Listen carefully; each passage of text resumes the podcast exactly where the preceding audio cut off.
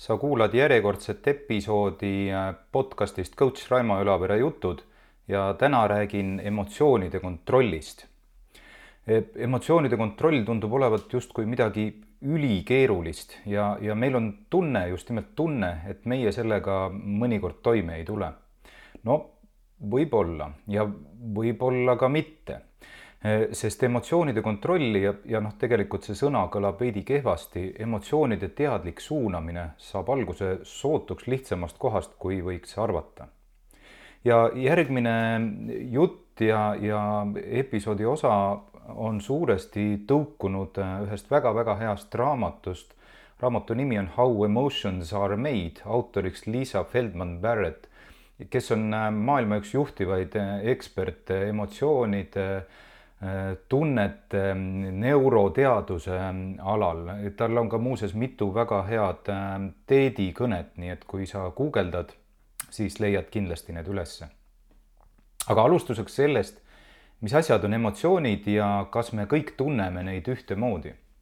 No aastakümneid ja tegelikult vist isegi aastasadu on äh, arvatud, et tunded on universaalsed ehk kui me ütleme viha, siis kõik inimesed saavad samamoodi aru, mida see tähendab, me kujutame kõik ette, mismoodi see tunne tekib, mis ta on ja kuidas ta ka meid mõjutab. ja sellest on, sellest uskumusest on siis tuletatud, et inimesel on nii-öelda kuus baastunnet. noh, see, need on õnn, õnnetunne, hirm, kurbus, viha, üllatus ja põlgus.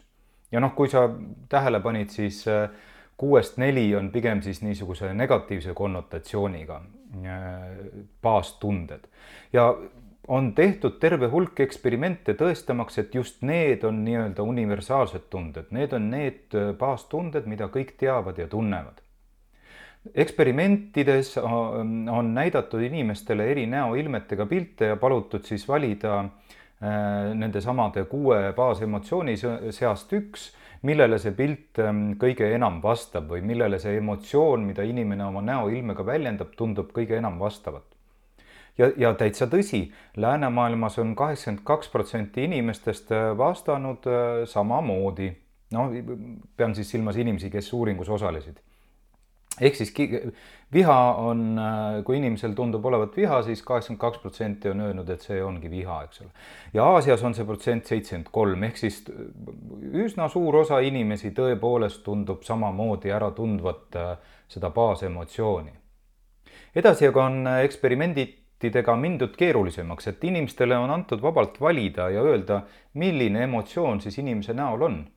ehk siis ei anta sõnu ette, ei suunata konkreetse vastuse poole, vaid on ähm, palutud siis öelda, mis, mis see emotsioon on.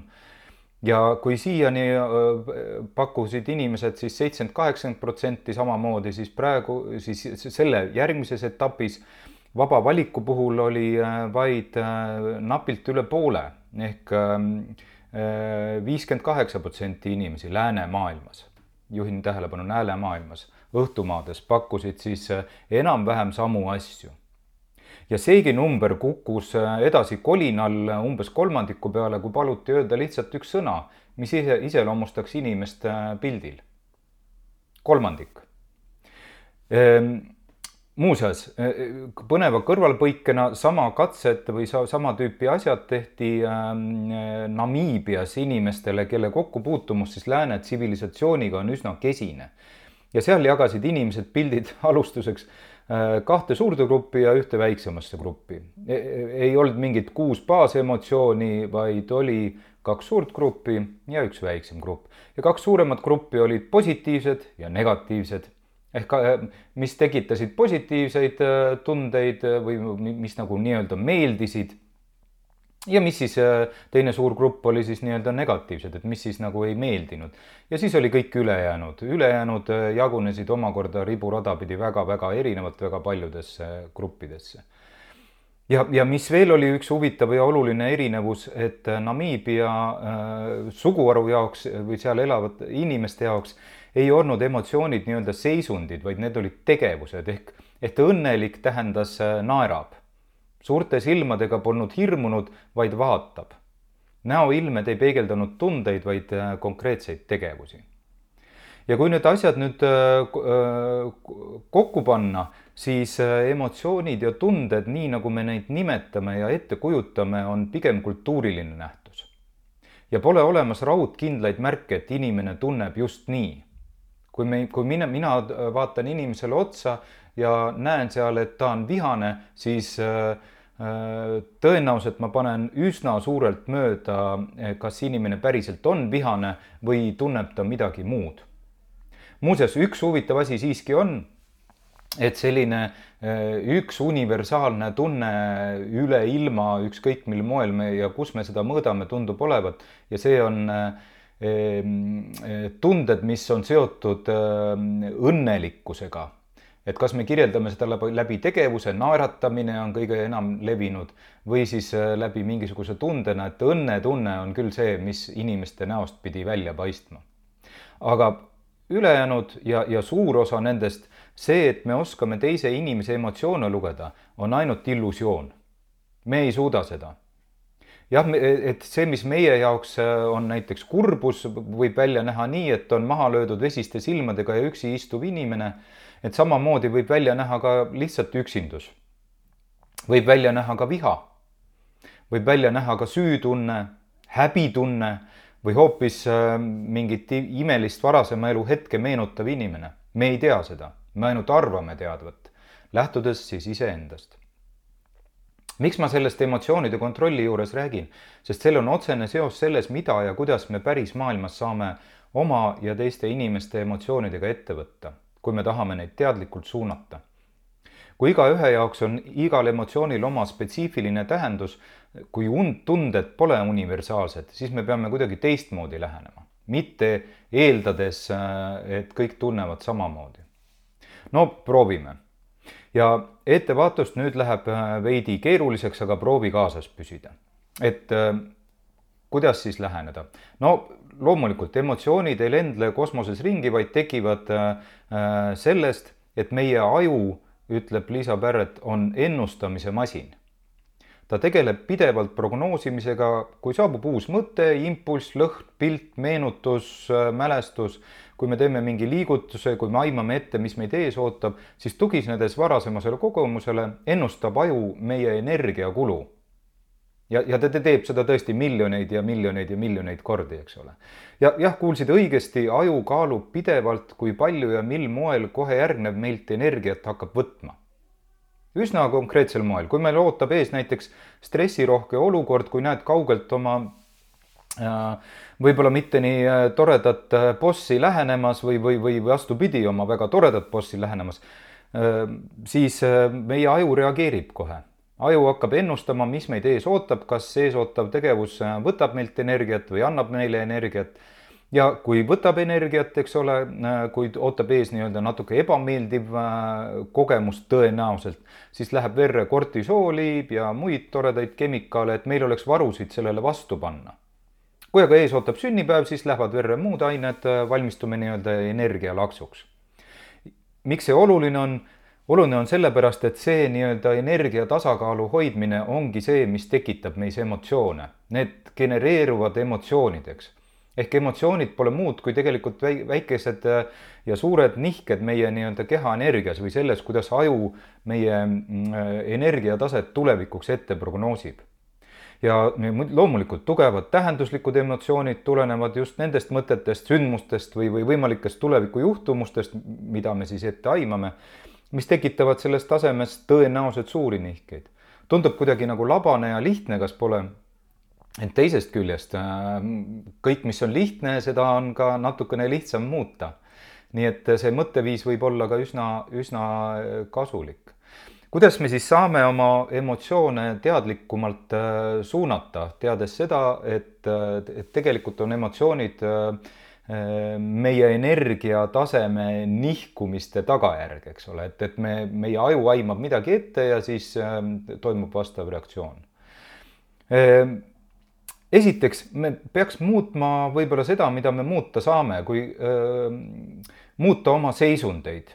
Neid kutsutakse afektideks, nad ei ole emotsioonid otseselt, nagu ma ütlesin eespool, emotsioonid on niisugune tõlgendamise küsimus, me saame neist erinevalt aru, seisundid mida kutsutakse ka afektideks, ähm, on sellised nagu üldisemat laadi äh, ma ei tea, võib siis öelda ka tunded ja emotsioonid, no lihtne asi, kui sa täna hommikul üles ärkasid, kuidas sa ennast tundsid?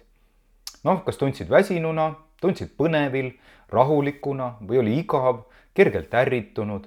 ehk siis need ongi need lihtsamad asjad, mis ei ole otseselt nii-öelda peenemalt ja detailsemalt kirjeldatud emotsioonid, vaid ongi mingid äh, seisundid ja kui me tahame oma emotsioone kontrollida, neid teadlikumalt suunata, siis just need seisundid, afektid on just need asjad, millega peaks tegelema. kuidas siis? ja need afektid ja seisundid me tegelikult tunneme kahel skaalal. meeldib versus ei meeldi. ehk kas meile need asjad meeldivad või ei meeldi, kui on, ma olen väsinud, siis siis, ja see on igalühel personaalne, kas see siis mulle meeldib või ei meeldi, eks ole, on erinevat tüüpi väsimust ja teine on siis kõrge intensiivsus versus madal intensiivsus skaala. ehk siis noh, ma siin ärritumus on, eks ole, tõenäoliselt kõrge, aga, aga mingisugune rahulik ja selline küllastumus või selline seisund on tõenäoliselt madal intensiivsus ja kui me neid mõlemat skaalat ja, ja, ja mõlemaid neid koos vaatame, meeldib, ei meeldi ja siis on kõrge intensiivsus, madal intensiivsus, siis me saame neid seisundeid üsna hästi enda jaoks nagu ära kirjeldada näiteks niisugune letargiline seisund, depressiivsus on madala intensiivsusega ja samas üsna ebameeldiv afekt ju. ja ka joovastus jälle on kõrge intensiivsusega ja päris meeldiv afekt, kas pole? või siis ärritus, ärritus ähm, on kõrge intensiivsusega, aga ega ta nüüd meeldiv küll ei ole, eks ole. ja nii edasi, et me saame need seisundid äh, ära kirjeldada ja nende seisundite, miks need on oluline ära kirjeldada ja neist aru saada, nagu eespool öeldud, need on kõik seotud energiatasemega, ehk kui aju ennustab, et see olukord või nähtus või lõhn või sündmus, mis iganes, ees ootab, võtab kõvasti energiat, hakkab võtma kõvasti energiat, veel enam, kui me ei jaksa sellele vastu panna, siis me tunnemegi äh, depressiooni, letargiat, ükskõiksust. ehk see kõlab veidi tobedalt, aga sellegipoolest meie aju üritab nii säästa energiat, et me selle jama jälle üle elaks. ehk mitte, ükskõiksus, mitte lastes ennast segada asjadest, mitte jah, võttes es, elu aktiivselt, eks ole, halb on olla, paha on olla, depressi-, depressioon ei ole tore asi, aga me elame, see on ajuviis proovida seda jama üle elada ja muidugi kõige parem koht, kui nii saab öelda, on see, see afekt äh, või seisund, äh, kus me tunneme sellist rahulolu, rahulikkust, tänulikkust. see on äh, koht, mis on madala, pigem madala intensiivsusega ja pigem meeldiv, eks ole ja, ja küsimus on, kui me tahame tegeleda emotsioonide kontrolli või teadliku suunamisega, et kuidas võimalikult palju oma aega ja tegevusi ja tähelepanu saaksime suunata sinnapoole, sinna seisundi poole, kus me tunneksime rahulolu, võib-olla rahulikkust, võib-olla tänulikkust. ja vastus sellele tegelikult ei olegi nii keeruline. no me räägime siin äh, piisavast unest, vähematest segajatest, võib-olla vähematest äh, fookustest, eks ole, on vähem asju, millele keskenduda Äh, patareide laadimine, äh, heade mälestuste meenutamine ja nii edasi, eks ole, ehk suur osa meie emotsioonide kontrollist on seotud meie enda tegevusega, tegevusega, mis meil äh, aitab viia siis teatud afekti või teatud seisundisse, sinnasamasse rahulikku, meeldivasse madala intensiivsusega kohta pigem. ja emotsioonide kontroll algab sellest siis, et mis on need regulaarsed tegevused, mis toovad energiat, mis meid sinna seisundisse viivad ja mis on need, mis viivad energiat, mis meid sealt nagu välja viivad, ära viivad. ja neid, just neid seisundeid, mitte emotsioone, neid afekte me saame mõjutada. noh, regulaarne pausidega päevarütm, minu absoluutne lemmik ehk regulaarne füüsiline äh, liigutamine, trenn, jalutamine ja piisav uni on võib-olla see nii-öelda püha kolmainsus, millele võiks keskenduda. ja need võiks olla siis ka esimesed asjad ja esimesed kohad, äh, kust alustada. aitäh kuulamast, seekord rääkisime siis äh, emotsioonide ja teadlikkust suunamisest. Äh, need ja, ja eelmised podcasti episoodid on kõik kuulatavad iTunesis, Spotify's järgmisel korral juba järgmised jutud. kuuleme jälle